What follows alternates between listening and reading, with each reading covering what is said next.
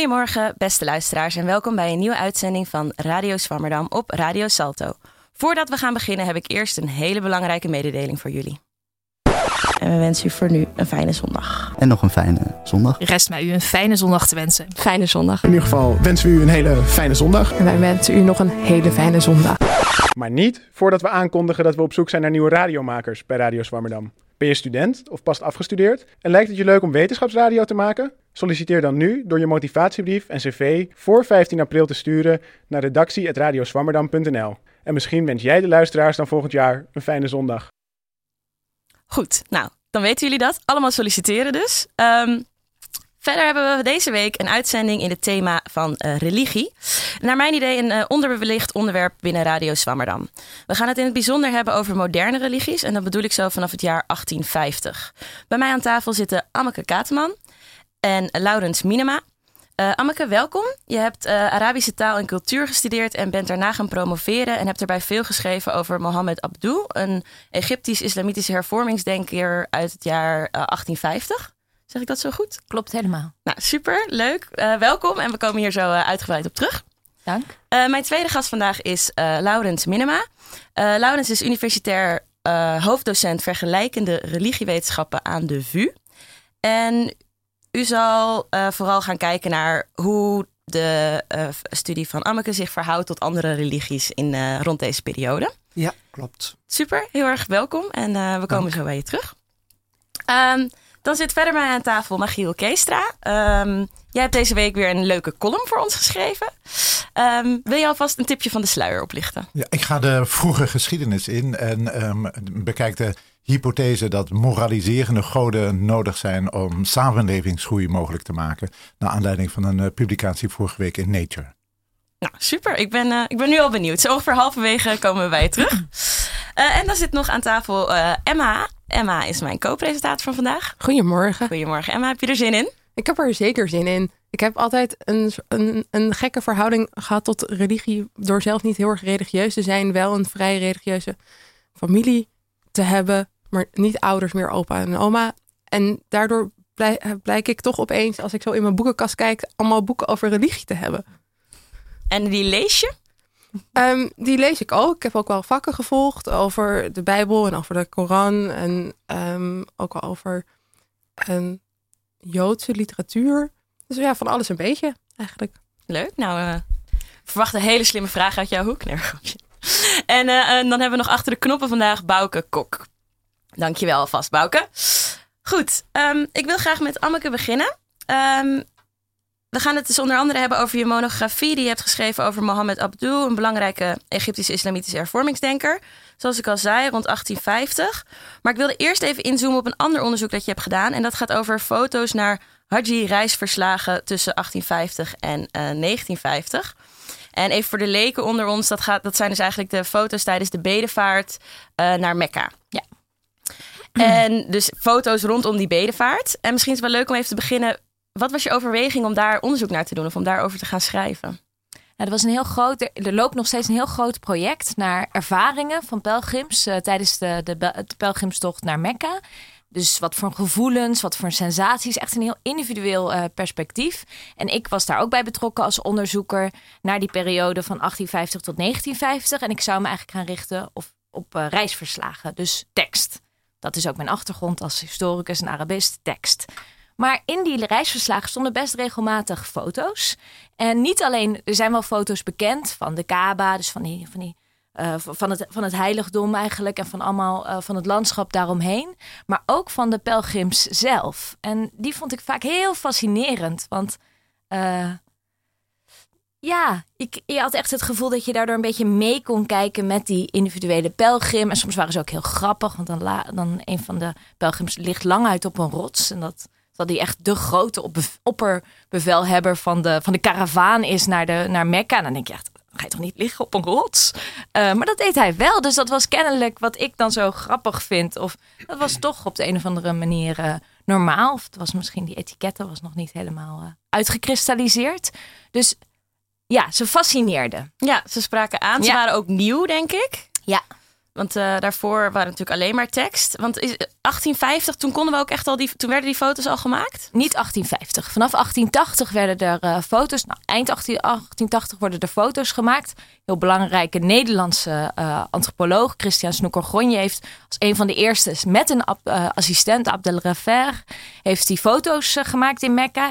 Is hij in Mekka gekomen als, als ja, recent bekeerde moslim en volgens sommige mensen geveinsde. Dus hij, dat het niet echt was. Er was een enorme discussie over. Ehm, maar deze foto's zijn allemaal van eh, begin 20e eeuw. Dus dat is net wat later. Ja, precies. En waarom denk je dat, dit, eh, dat ze dit deden?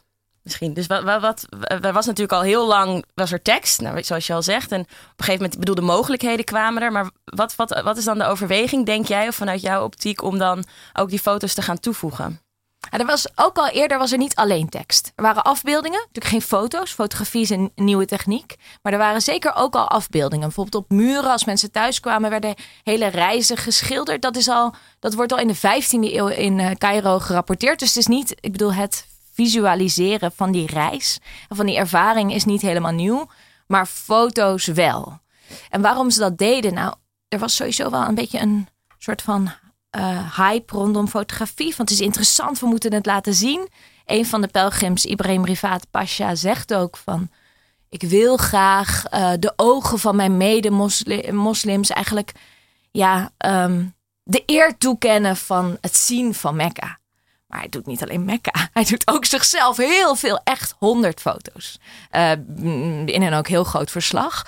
Dus er zit ook, het is natuurlijk zoals wij ook foto's gebruiken. Je kan heel goed laten zien van ik was daar. Kijk mij, zoiets. Van, eh, hij komt bijvoorbeeld, hij was die opperbevelhebber. Hij staat heel vaak in vol ornaat op de foto's. Dus in die zin, het is ook wel door andere onderzoekers beschreven, heeft het een soort van, uh, ja, verbeeldt het zijn status. En ook de soort moderne orde van kijk eens hoe, uh, hoe goed dat geregeld is met hele goed geregelde quarantaine. Nou, allemaal mooie schepen. Dus er, er zit een soort trots in. Um, die foto's werden ook wel gebruikt. Ah, Dat weet ik niet helemaal van deze, precies deze foto's, maar om op te hangen, zoals mensen ook nu vaak nog doen, om je te herinneren. Maar ook om andere mensen te herinneren aan ik. Ik was daar. Ik was daar, ja, ja, precies. Want dat zijn natuurlijk wel twee. Want je beschrijft volgens mij twee verschillende. die, naar mijn idee, uh, ook wel verschillende insteken hadden. Ja. Dus bij de ene lijkt het inderdaad echt wat meer van. Ik wil um, de reiziger echt meenemen en, hem, en, hem, en laten zien hoe dit is. Ja. Uh, en bij die andere schemert het toch ook wel ook omdat hij er dus inderdaad zelf heel vaak op staat. Doordat hij uh, misschien ook gewoon zichzelf wil promo, pro, profileren als zijn een. ja, de een hele... heeft eigenlijk echt een soort van expeditie. Maakt hij ontzettend veel foto's, waar hij zelf ook heel vaak op staat. En de ander heeft een heel leuk verslag geschreven, maar had overduidelijk geen camera mee. Want die foto's zijn later in een studio gemaakt in verschillende kledij. Dus eerst in reizigersoutfit en dan in ihram. Dat is de rituele kledij. En dan net in een andere versie van de ihram. En dan in een stukje gaat hij met de auto. Nieuwe outfit. Dus dan, uh, en dan uiteindelijk uh, zet hij zichzelf op de foto als de uh, El Hajj, heet dat. Of de Haji. Dat noemen we iets vaker in Nederland noemen we het de Haji. Degene die de pelgrimstocht heeft um, volbracht. Ja. En eigenlijk lijken die foto's, hij kijkt op allemaal precies hetzelfde. Wat ik heel wonderlijk vond. Ik dacht, aan het einde moet je een soort van, nou, er moet een proces te zien zijn. Ja. Ik, ik heb het nog niet helemaal kunnen ontdekken, maar het is ook eigenlijk heel interessant dat je dat niet zozeer ziet. Dat je niet een soort van trots of, ja, Want het denk je wel dat dat zijn doel was? Omdat, dus dat die mensen, ja, een beetje wilden foppen, zeg maar, met die foto's. Want aan de ene kant zeg je het is vrij duidelijk dat nou, hij... Foppen, nee. Hij was er. Ja, hij okay. was er absoluut. Alleen hij had geen fototoestel. Ik bedoel, ja, nu is het met een cameraatje op je telefoon. Um, maar ik denk dat hij die foto's misschien wel gewoon voor zichzelf heeft gemaakt. Omdat het, nou ja, zoals we trouwfoto's, nog gewoon een bijzonder moment uh, op de een of andere manier visualiseren. Maar um, dat hij ze op liet nemen in zijn reisverslag, draagt denk ik wel bij aan het. Fotografie heeft toch sterker dan tekst het idee dat het heel sterk waarheidsgetrouw is. Hm. Dus als je die foto's erbij doet, dan wordt het nog echter. Ja. Het gevoel. Het is niet nog echter, het lijkt nog echter. Dus in die zin uh, voegen foto's wat toe. Mensen zijn visueel ingesteld. Dan denk je, oh, hij was er echt. Zoiets. Ja, dus los van het bewijs en is het ook een soort ervaring naar de. Ja. Denk je ook hij was er echt, maar hij was er dus niet echt. Ja. Dat is een beetje de komische. Ja. Want wilden ze denk je ook mensen aansporen uh, daarmee? Of, of was het juist, want je kan, twee, ik kan ook denken van, oh, nu heb ik het een beetje zo gezien, dan, dan hoef ik misschien zelf minder snel. Was, ik weet niet hoor, maar was, denk je dat het werd bedoeld als een soort aanspoormiddel om ehm, mensen ertoe aan te zetten ook die reis te gaan maken? Eh, ik denk wel dat het werd bedoeld om de ervaring te delen en niet omdat het dan genoeg was. Er is een soort, zeker in de jaren dertig komen er heel veel reisverslagen worden gepubliceerd. Ehm, en dan komt dus een soort van, ja, een beetje een islamitische in, in dat soort eh, verslagen. En ik vraag me af of dat, eh, het is eerder denk ik een, eh, een teken van dat die pelgrimstocht heel belangrijk werd geacht. En het is een van de, de zuilen, dus een van de ehm, eh, kernplichten van de islam, volgens, volgens schriftgeleerden. Ehm, maar ook daarin kunnen wel een beetje wisselingen zijn. En juist in deze tijd werd het mogelijk voor heel veel moslims om naar Mekka te gaan. Want je had stoomschepen. En het was echt een stuk makkelijker. En het was ook een stuk makkelijker om mensen te bereiken. Omdat je eh, print, eh, nieuwe printtechnieken had. Dus in die zin paste het wel in een soort herleving van die plicht voor net wat meer mensen dan, dan daarvoor. Ja. Nu voor nog meer mensen. Nu met het vliegtuig wordt het nog makkelijker. Ja. Nog. Had je nog een vraag, Laurens? Ja, ik vroeg me af, eh, een fascinerend verhaal. In hoeverre het, eh, zeg maar het afbeeldingsverbod, wat in veel orthodoxe kringen, niet alleen in de islam, maar ook in jodendom en christendom een rol speelt, in hoeverre dat hierdoor toch werd geprovoceerd ook. Ja, ja, dat is een hele leuke vraag. Het is ook echt de vraag bij fotografie van... Goh, mocht dat dan zomaar? Nou, er zijn veel foto's, dus het is een soort van teken... Nou, kennelijk waren er niet zoveel bezwaren. Maar er zijn wel bezwaren. Er zijn discussies over fotografie. Dat mag niet, want er zou een afbeeldingsverbod zijn. Maar dat afbeeldingsverbod ligt wel iets ingewikkelder in islam dan vaak wordt gedacht. Dus het is niet zo... Nou, het mag gewoon niet. En er zijn hele discussies over gekomen. Eh, bijvoorbeeld, het mag wel als het ehm, een duidelijk nut doet, het dient. Of dat je er zelfs niet omheen kan. Bijvoorbeeld bij paspoortfoto's werd al heel vroeg gezegd... ja, dat moet dan maar mogen. Maar ook bij religieuze doeleinden werd gezegd... ja, maar dit heeft wel een heel mooi doel. Dit heeft namelijk eh, verbeterd of eigenlijk spoort mensen aan tot religiositeit. En als het zo'n eh, religieus doel dient, mag het wel. Eh, en dit zijn discussies. Hè. Ik, ik geef een aantal meningen weer. Er zijn zeker ook mensen die zeggen absoluut niet. En er zijn ook mensen die denken: wat bedoel je? Leuk, leuk nieuw snufje. Hartstikke interessant. Ja, het- er zijn binnen religiositeit heb je natuurlijk een heel scala aan, aan Ja. meningen. Niet alleen maar die van de schriftgeleerden, maar ook van mensen die hun camera meenamen. Zo'n opperbevelhebber vanuit militair opzicht of vanuit overheidsopzicht is er, zijn er weer andere redenen om te denken: we willen dat landschap goed in kaart brengen. Want dat, is, eh, dat levert eh, bruikbare informatie op om die karavaan goed te leiden en dat soort. is enorm, toen ook al een enorm proces, zo'n eh, zo'n bedevaart. Dat is niet iets wat zomaar uit handen werd gegeven. Daar werd over nagedacht hoe je dat in goede banen leidt. Ja, nou, super interessant. Ik wil eh, toch ook nog even gaan inzoomen in, eh, op je monografie. Je hebt hem drie maanden geleden afgerond, begreep ik net. Eh, Ja, ingediend bij de uitgever. of ingediend bij de uitgever. komt bijna uit. Dat komt bijna uit. En die heb je dus geschreven over Mohammed Abdou. Dus de, dat is een Egyptische hervormingsdenker. Ja. Nou, jij kan hem denk ik het best toelichten. Wie was Mohammed Abdou volgens jou?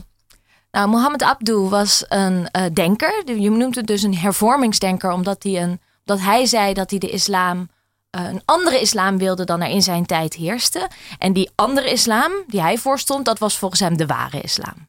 Dus de ware, eh, authentieke, maar ook een soort van eigenlijke islam. De, tijd die, eh, de, de, de, de, de islam van de tijd van Mohammed. ehm, en nog de eerste generaties eh, daarna. Ehm, en wat er bijzonder was aan Mohammed Abdou is dat die, die ware islam was volgens hem bij uitstek verenigbaar met wetenschap en beschaving. En dat waren nogal de key issues van die tijd. Dus iedereen had het over wetenschap en beschaving. Het was enorm belangrijk dat je dat, eh, dat een religie daartoe. De, vraag van kunnen religies dat überhaupt toestaan? Zijn ze daarmee verenigbaar?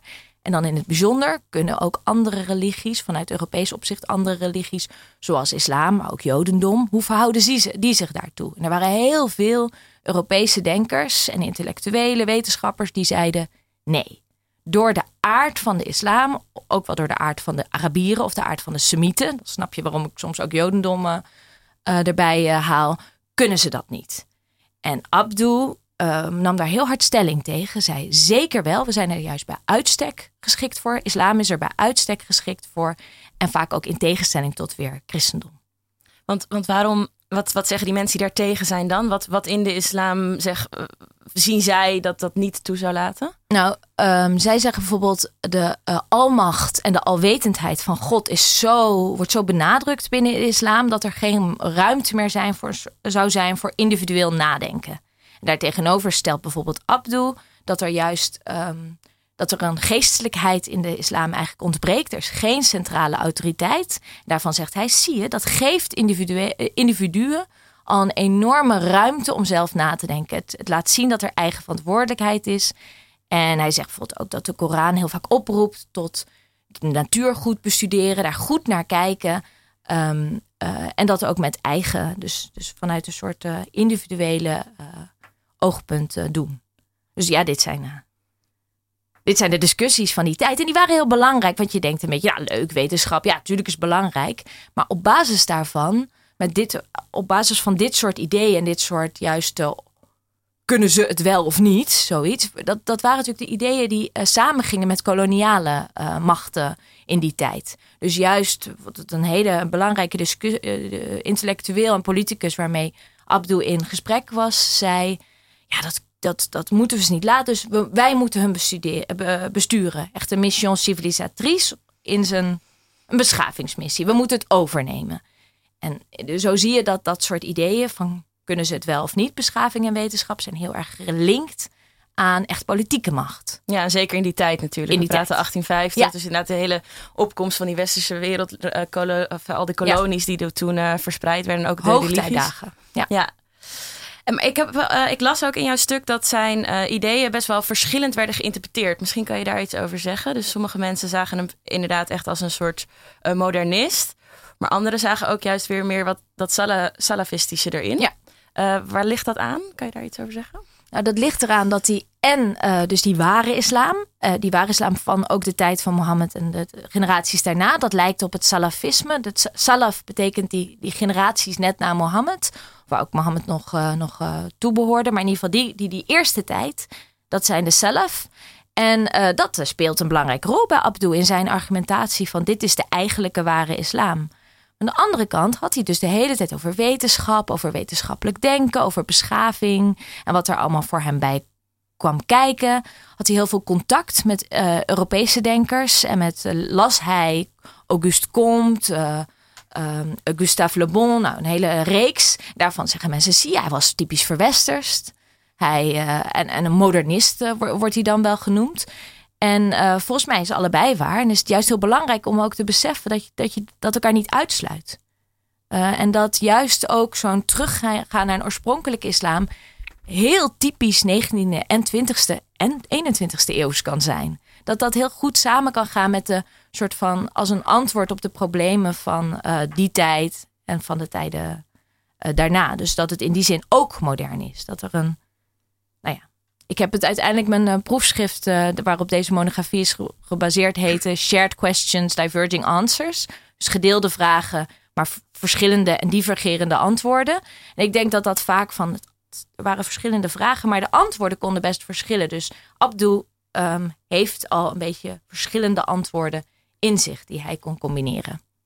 Je hebt zo zijn vraag, Emma. Ja, ik vroeg me af, want hoe zag de islam er in die tijd dan uit dat hij daar zo graag een soort van iets anders over wilde zeggen? Want het politieke stuk snap ik, maar hoe zag de, het, ja, het uh, geloofsleven er dan uit dat hij daar noodzaak toe voelde? Ja, uh, nou, hij uh, ging heel hard in tegen de zijn medegeloofsgenoten. Echt hard. Hij gaf heel hard af op de ulama. Dat zijn de schriftgeleerden. Hij zei dat dat helemaal verstarde, ehm, ja, op details inzoomende, totaal onproductieve mensen waren. Hij was echt hard. Er wordt ook vaak gezegd van, dat moeten we niet te serieus nemen. Zo was het niet. Dit was zijn zijn beeldvorming, uh, zijn beeldvorming daarvan. Maar dat uh, bijvoorbeeld uh, de schriftgeleerden vonden het heel een heel belangrijk concept, vonden zij taklid. En dat betekent, in tegenstelling tot ijtihad, dat je niet elke keer zelf moet nadenken over religieuze kwesties, maar dat je eerst moet kijken wat hebben de, de alom geaccepteerde voorgangers, de grote denkers van de, binnen de islamitische traditie. Wat hebben zij daarover gezegd? En moet je dat volgen Of moet je zelf nadenken? En zei zelf nadenken. Want dat heet volgens mij, als ik het me goed herinner, ook het sluiten van de poort op een gegeven moment. Dat op een gegeven moment wordt besloten dat moslims niet meer zelf hoeven na te denken. Want alle de rechtsgeleerden hebben het al opgeschreven. En Ja. wanneer, dat was dan ergens 17? Ja, dat, is, nou, dat wordt vaak al ietsje eerder. Dat is een soort lang proces. Maar wat in ieder geval uh, Abdou heel erg zegt van... nou, dat is in de 19e eeuw staat het helemaal stil.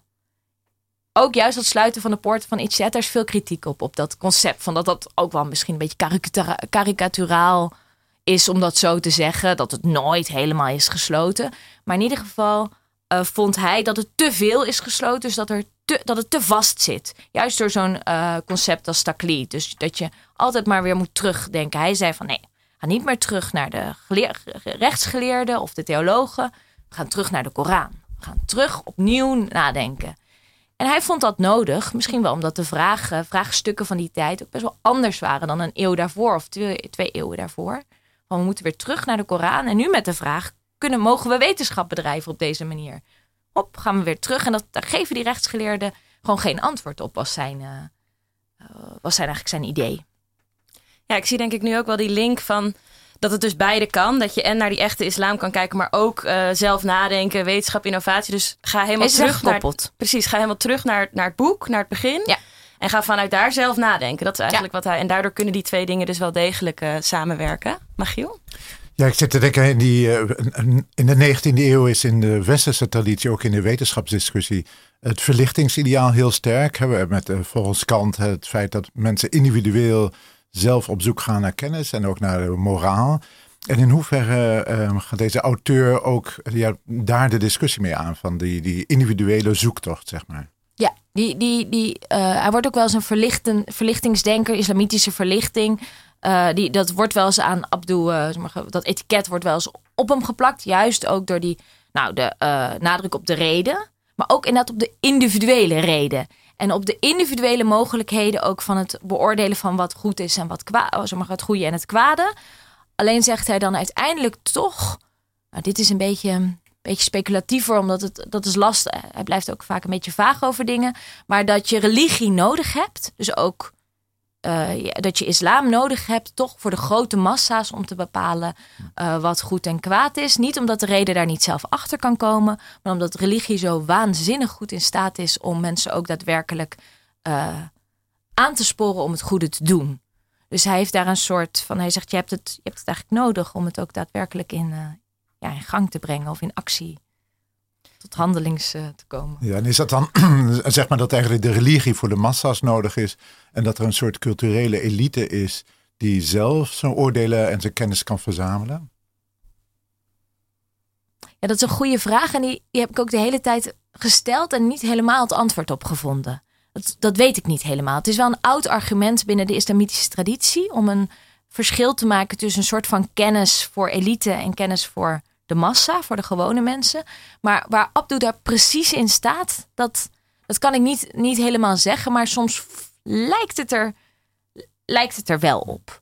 Ehm, er wordt daarna ook wel heel veel kritiek gegeven op. Door juist, hij heeft een enorme de poort opengezet naar dat iedereen ging nadenken. Eh, dus de, de massa, juist een soort van democratisering van die religie. Van allemaal terug naar de Koran. Maar ten eerste ehm, is niet helemaal duidelijk. Ik bedoel, hij had best wel ideeën over hoe het moet. maar hij gaf niet zoveel eh, hele duidelijke richtlijnen voor anderen hoe het dan zou moeten. Dus het, vooral was het gewoon, eh, zo moet het. Maar niet een soort van hele gedetailleerde methode. En daar is ook heel veel kritiek op gegeven. Nou, zet die poorten maar open, maar geef geen, ja, geef geen richtlijnen. Dan kan het daarna de- de- een beetje de anything goes. Van oeh, die taklid bijvoorbeeld, dat waren misschien wel structurerende principes binnen wat islam kan en mag zijn. En als je dat loslaat, ja, wie mag het dan nog zeggen? En dan mag iedereen het zeggen. En dan eh, kunnen ook mensen die er niet zoveel van weten, of die hele radicale ideeën, mogen het misschien ook wel zeggen. Dus er is wel kritiek op dat hij zo'n soort van brugfunctie eh, heeft eh, vervuld.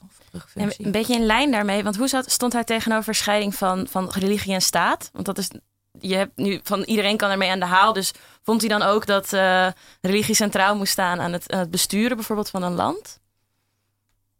Ja en nee. Dat is ook een van de vragen waarop hij. Ja, nee, hij heeft heel Ja. veel vragen waarvan je nu denkt, nou, kom daar maar met een antwoord mee, worden niet helemaal duidelijk in zijn werk. En dat is ook wel interessant. Want volgens mij komt het omdat hij een beetje verschillende discussies tegelijkertijd moest voeren. Aan de ene kant wilde hij continu zeggen: islam is relevant. En het is niet iets wat helemaal naar, de privé, naar het privédomein en een soort van onderdrukt moet worden. Wat toch zijn angst was dat het koloniale project of zoiets daarop uit zou komen. Dus dat had je aan de ene kant.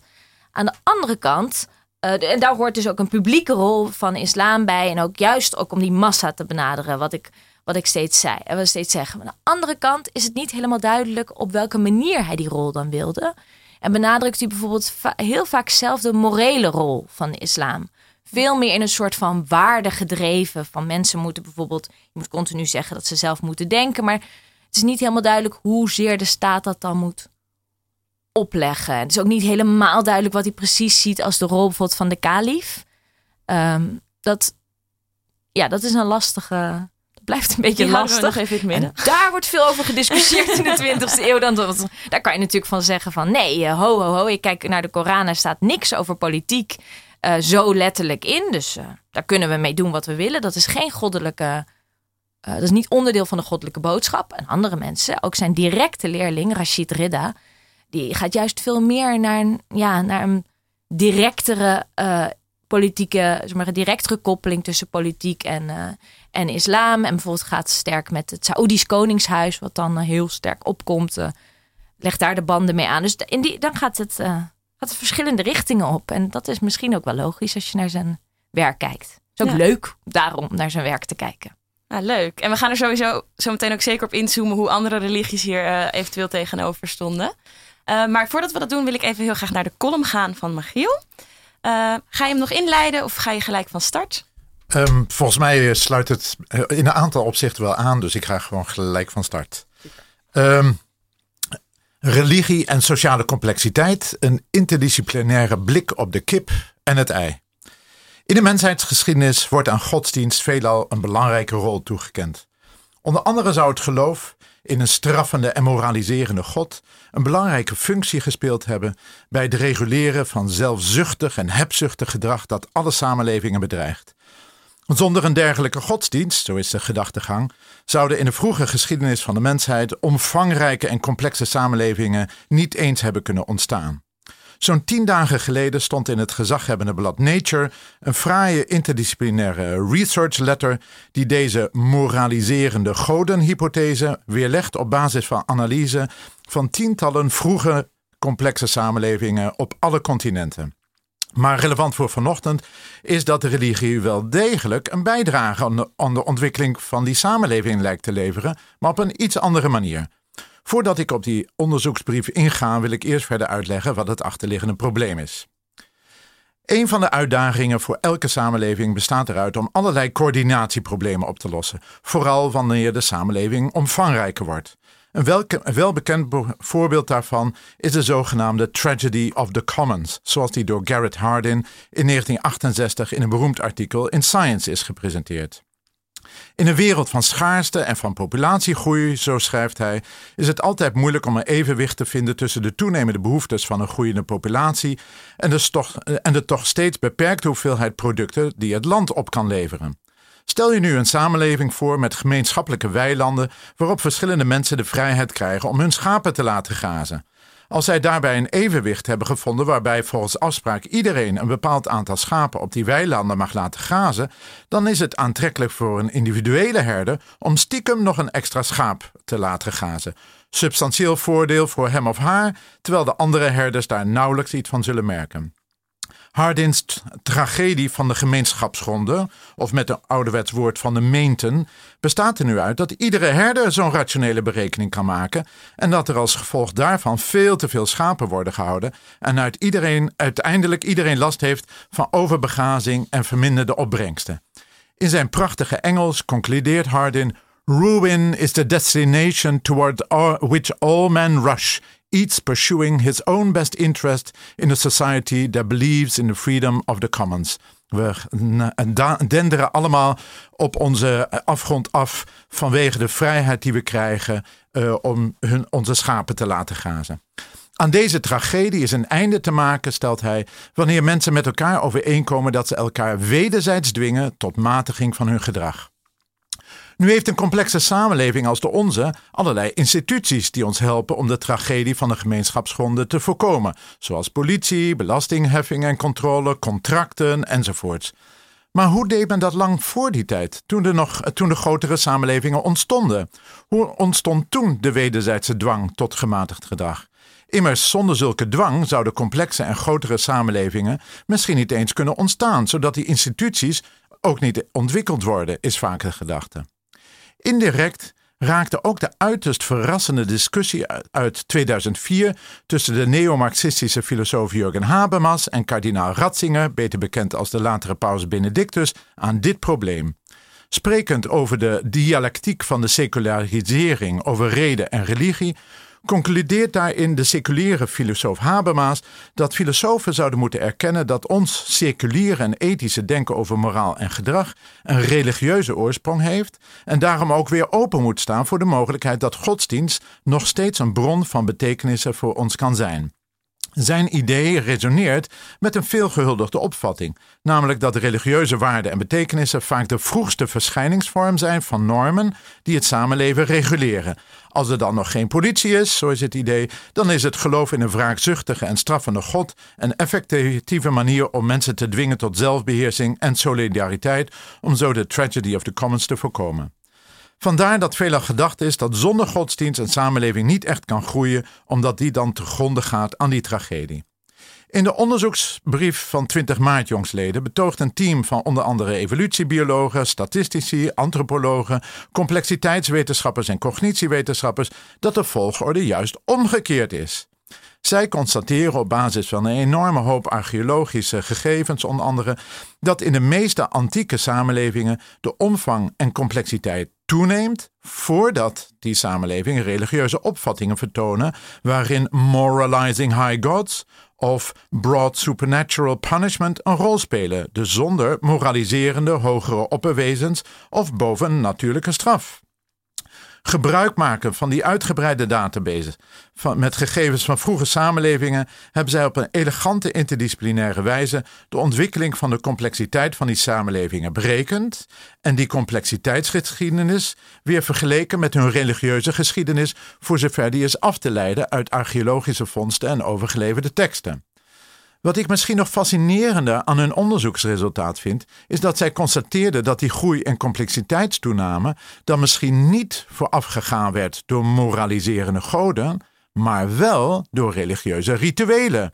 Dus door godsdienst zonder bepaalde morele geboden en goddelijke straffen, maar met bijvoorbeeld vruchtbaarheidsrituelen, oogstfeesten en dergelijke meer. Religie heeft dus wel degelijk een belangrijke rol gespeeld. Niet zozeer door het opleggen van een bepaalde moraal en het creëren van angst voor de wraken gods, maar door de standaardisering van bepaalde opvattingen en praktijken, waarbij sociale controle mogelijk gemaakt werd door die frequent terugkerende rituelen.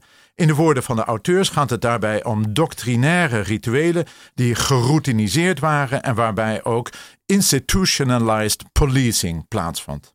Al met al levert een analyse een historische volgorde op, waarbij dit soort doctrinaire rituelen ontstaan voordat er een groei van die complexe samenlevingen plaatsvindt, waarbij die groei dus ondersteund wordt door de gezamenlijke rituelen en bijbehorende geloven, en daarna pas verschijnen de moraliserende godheden en de bovennatuurlijke straffen.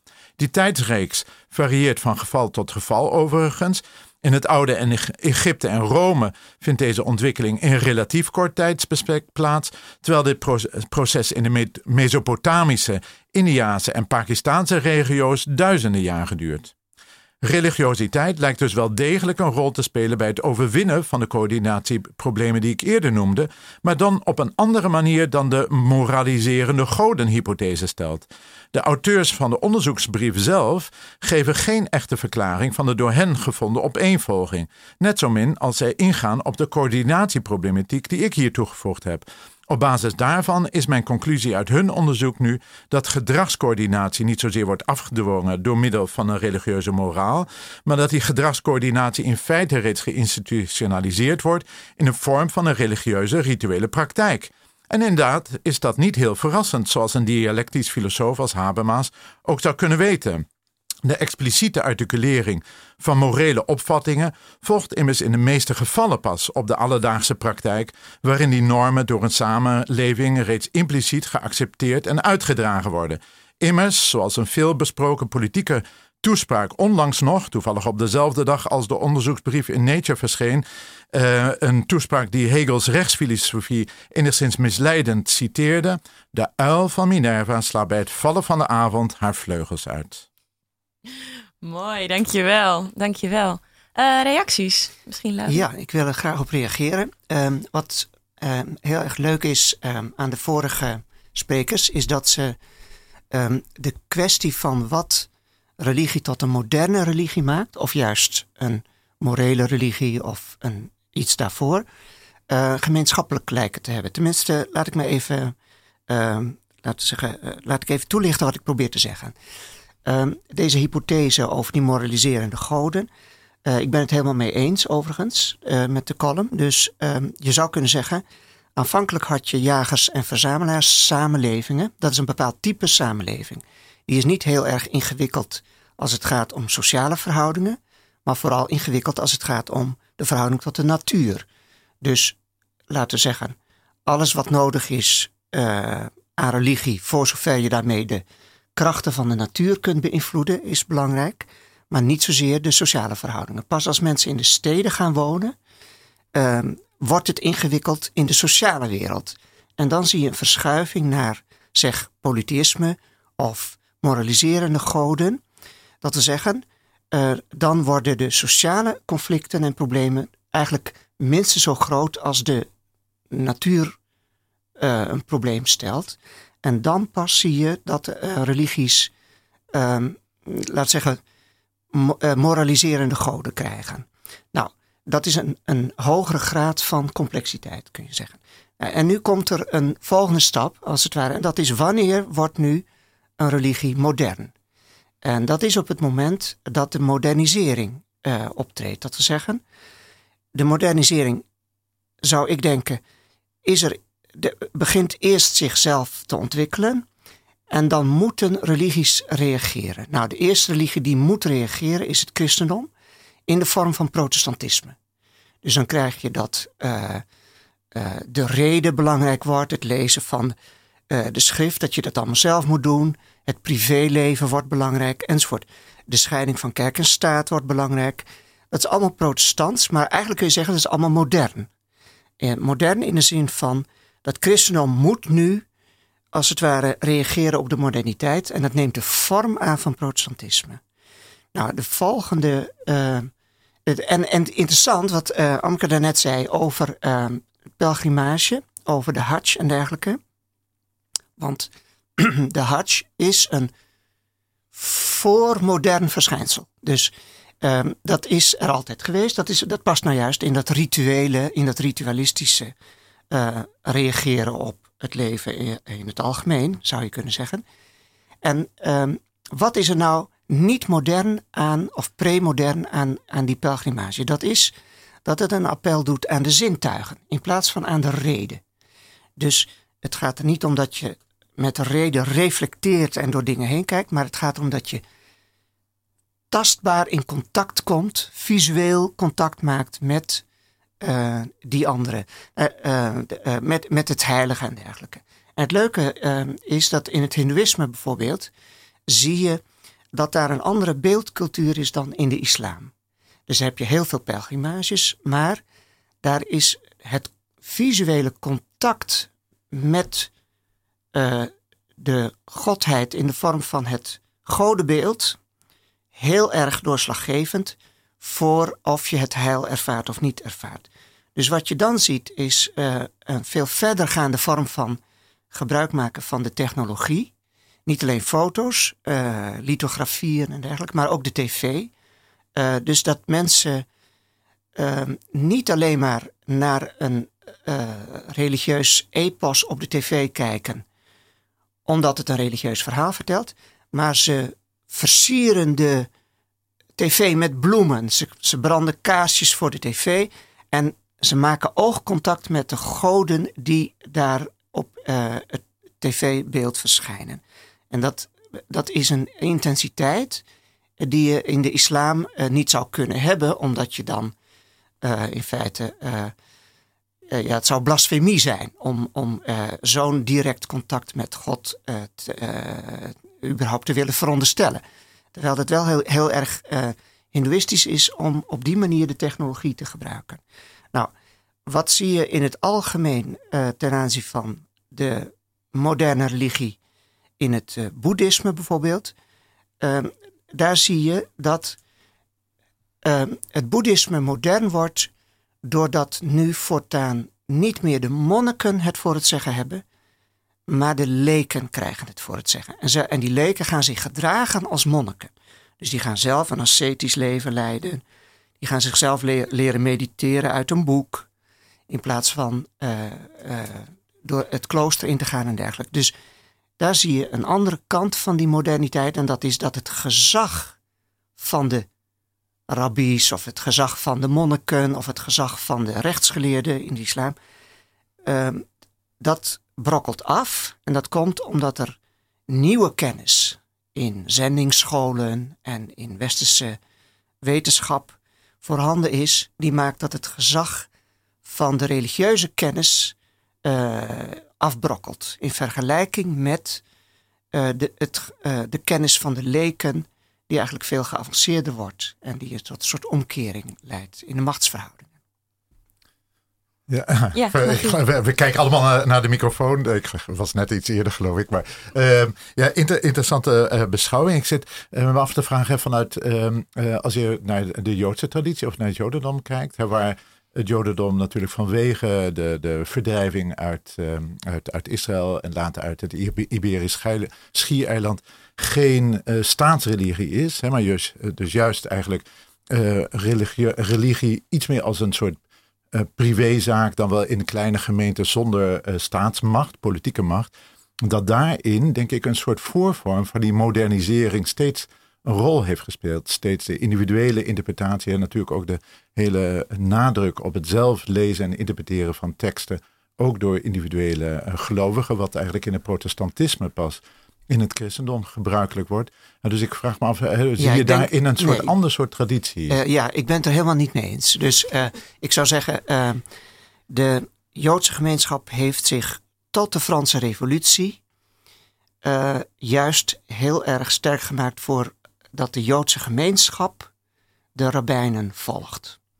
En pas vanaf het moment dat de, het Jodendom als het ware gedwongen wordt om het burgerschap in de samenleving op zich te nemen, dan krijg je een moderne vorm van Jodendom.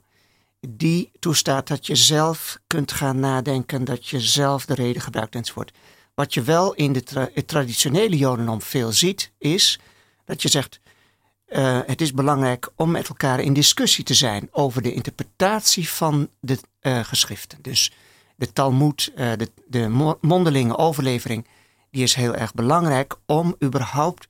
Maar dat is eigenlijk een manier om de gemeenschapsbanden aan te halen, om zo te zeggen. En niet om een individu te worden. Dus het staat in een heel onder andere, eh, in, eh, onder een ander voorteken, om zo te zeggen.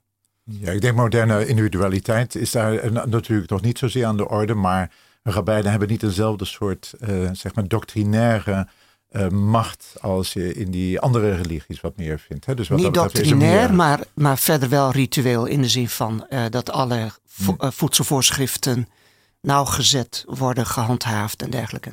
Dus dat is niet.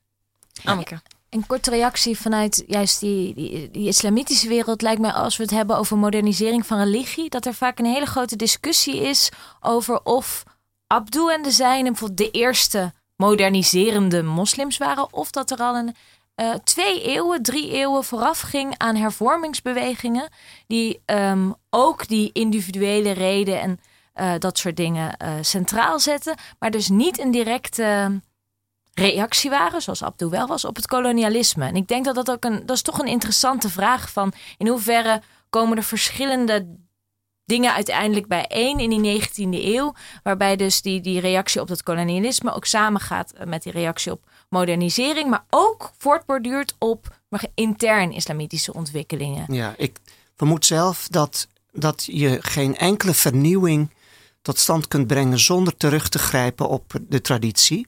Maar je kan wel zeggen dat ehm, ehm, er altijd hervormingsbewegingen zijn geweest in religies. Uh, altijd, dus in elke religie. Maar dat ze daarmee nog niet modern waren. Dus je kan zeggen, ze worden pas modern. En in het geval van uh, Mohammed Abdul moet je zeggen, en dat geldt zowel voor de islam als voor het boeddhisme en hindoeïsme en uh, Chinese religies, dat het eerste gezicht van, het, van, de, moderniteit, van, het moderne, van de moderniteit is kolonialisme. Dus het is een onderdrukkende vorm van uh, moderniteit waar, waarop je moet reageren. Dat geldt niet voor het christendom, want die was, om zo te zeggen, eerst modern aan het worden en werd toen koloniaal. Maar het geldt wel eigenlijk, zou je kunnen zeggen, ook voor het jodendom. Um, en het geldt zeker voor de islam en voor uh, hindoeïsme en boeddhisme. Je moet reageren op een moderniteit die het gezicht heeft van kolonialisme. En dat betekent dat je eigenlijk in eerste instantie in de verdediging bent. Want in eerste instantie ben je onderliggende partij uh, qua machtsverhoudingen. En pas daarna kun je je de moderniteit toe-eigenen op een manier waar je, wat, waar je zelf wat mee kunt. Maar dan moet je er zelf iets mee kunnen. Dus ja, dat is uh, door terug te grijpen op je eigen traditie. Overigens, dat is iets dat, dat je ook ziet in het Hindoeïsme bijvoorbeeld, waar de moderniseringsbewegingen van de neo-Hindoes, uh, Arya Samaj en dergelijke, die grijpen terug op de Vedische geschriften, zoals de protestanten dat uh, in de Renaissance deden, door te zeggen, nou, dat, toen was het Hindoeïsme nog zuiver, later met alle ritualistische bijgeloof is het allemaal uh, fout gegaan, maar wij moeten terug naar die pure vorm van Hindoeïsme die het ooit was. Nou, en zodra je zegt, we moeten terug naar de pure vorm, dan ligt er eh, ook een ander verschijnsel op de loer en dat heet fundamentalisme. En dat is om zo te zeggen weer een ander gezicht van moderne religie. Niet het enige gezicht, maar wel een ander gezicht van moderne religie. En is dat dan ook dus een uitkomst van dat je, je inderdaad hard moet maken voor jouw religie? Dat je wordt gedwongen om. Uh... Dat is wel hoe het in het algemeen op dit moment geïnterpreteerd wordt. Fundamentalisme wordt gezien als een modern verschijnsel dat reageert op de moderniteit. En dan kun je zeggen dat kan hindoe-vormen aannemen, of boeddhistische, of islamitische of christelijke. Maar het is in eerste instantie, over het algemeen wordt het gezien als een reactie op um, een moderniteit die geen ruimte meer lijkt te hebben voor religie. Althans, niet voldoende ruimte, want wat doet moderniteit? Een andere eigenschap van moderniteit is dat het, het wordt wel eens genoemd, de kunst van het scheiden van het aanbrengen van scheidingen, namelijk tussen kerk en staat, tussen publiek en privé, tussen um, uh, allerlei uh, aspecten van de samenleving, die dan vervolgens niet meer met elkaar kunnen bakkeleien. Daar, daar komt het in feite op neer. Dus voorbeeld is wetenschap, dat je zegt, wetenschap moet neutraal zijn in de zin van geen inmenging van religie.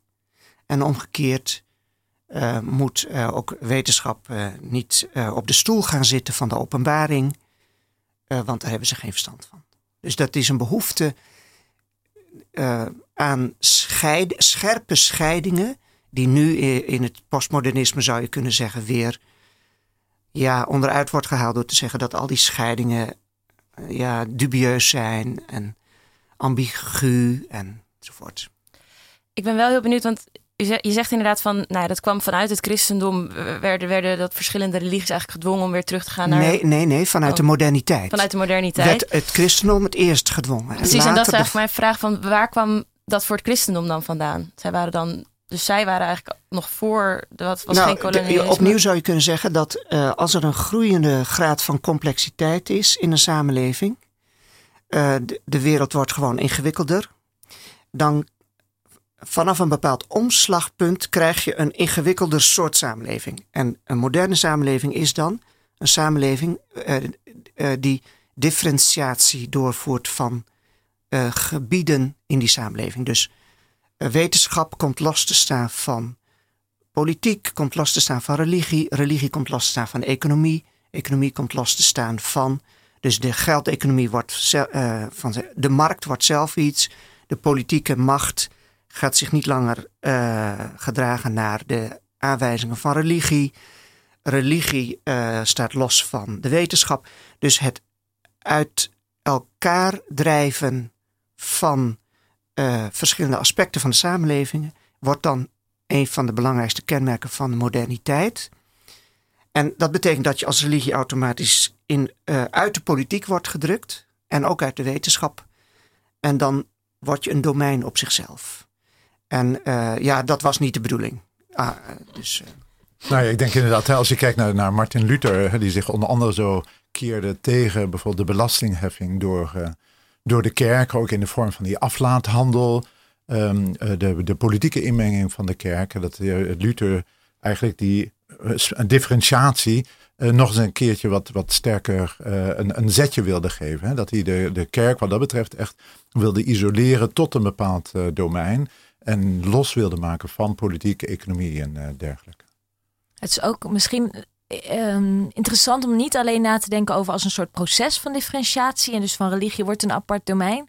Maar ook, dat zie je bijvoorbeeld bij hoe, ehm, hoe je ehm, eh, fundamentalisme beschrijft. Ook een beetje als een probleem. Iets waar je op moet reageren. En dat betekent dat het niet allemaal een soort van lineair proces wordt. Maar dat er verschillende reacties kunnen komen. En dat bijvoorbeeld fundamentalisme eigenlijk modern is omdat het een reactie is. Of omdat het een soort van antwoord is op die uitsluiting van het politieke domein. En ik vind dat vaak mooi. Van niet alleen een proces.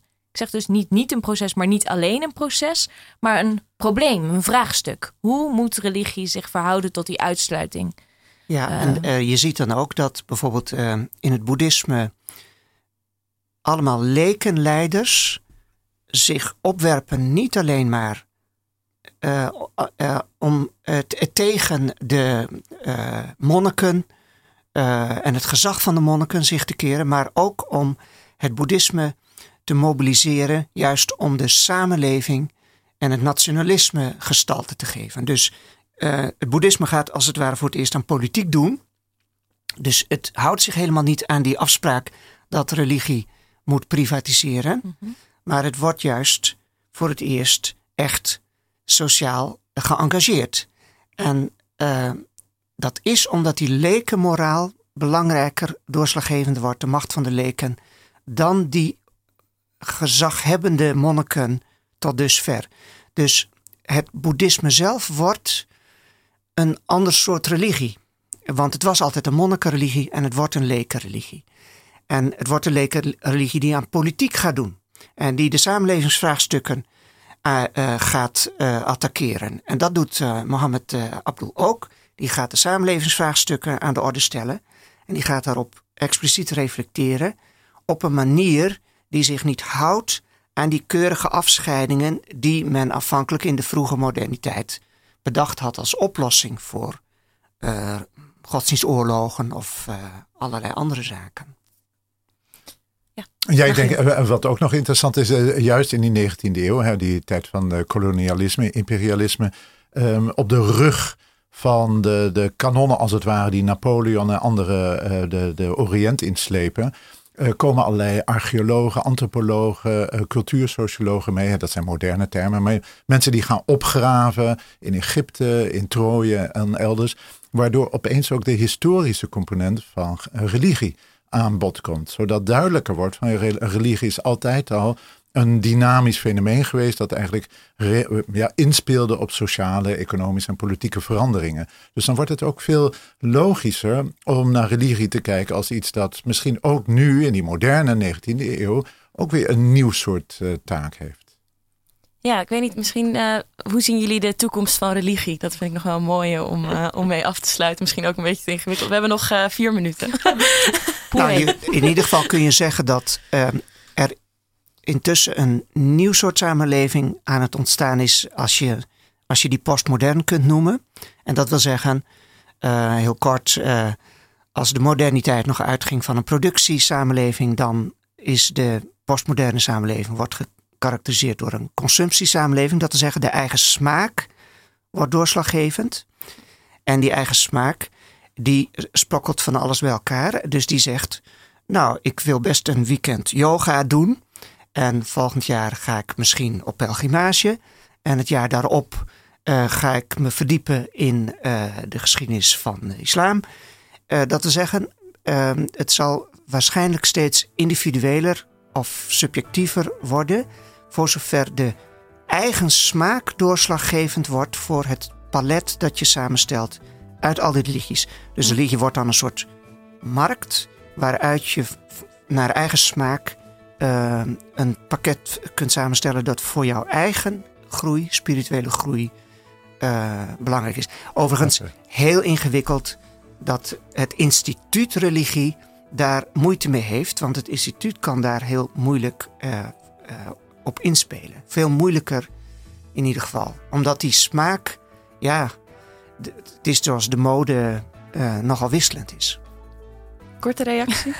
Ja, nee, heel interessant over die, die individualisering. En ik denk ook wel weer dat het laat zien, ook als je terugkijkt, dat er dan altijd nog meer opties zijn. Dus dat er misschien ook weer reacties komen juist op een individualisering. Dat het, je het wel in een stramien moet. Juist omdat dat weer een reactie op, op wekt. Dat als laatste. Super, voor mij. Ik heb heel veel geleerd, in ieder geval deze aflevering. Dus dank jullie wel daarvoor. Eh, bij mij aan tafel zaten uh, Anneke Kateman en uh, Laurens Minema. De column was van Magiel en Emma heeft mij ook heel leuk bijgestaan tijdens deze uitzending. Achter de knoppen zat uh, Bouke Kok. Hij gaat ook vanmiddag deze uitzending weer online zetten. En dan kunnen jullie hem allemaal terugluisteren op, via onze website www.radioswammerdam.nl of via onze podcast op iTunes, Soundcloud of waar je dan ook maar het liefst je podcast terugluistert. Like ons op Facebook, volg ons op Twitter en wil je reageren op deze uitzending, vinden we dat superleuk. Stuur een mailtje naar redactie.radioswammerdam.nl. Voor de mensen die geïnteresseerd zijn, vergeet niet te solliciteren. En uh, tot volgende week. Mijn naam is Geertje Thijsma en u luistert naar Radio Swammerdam. En we wensen u voor nu een hele fijne zondag.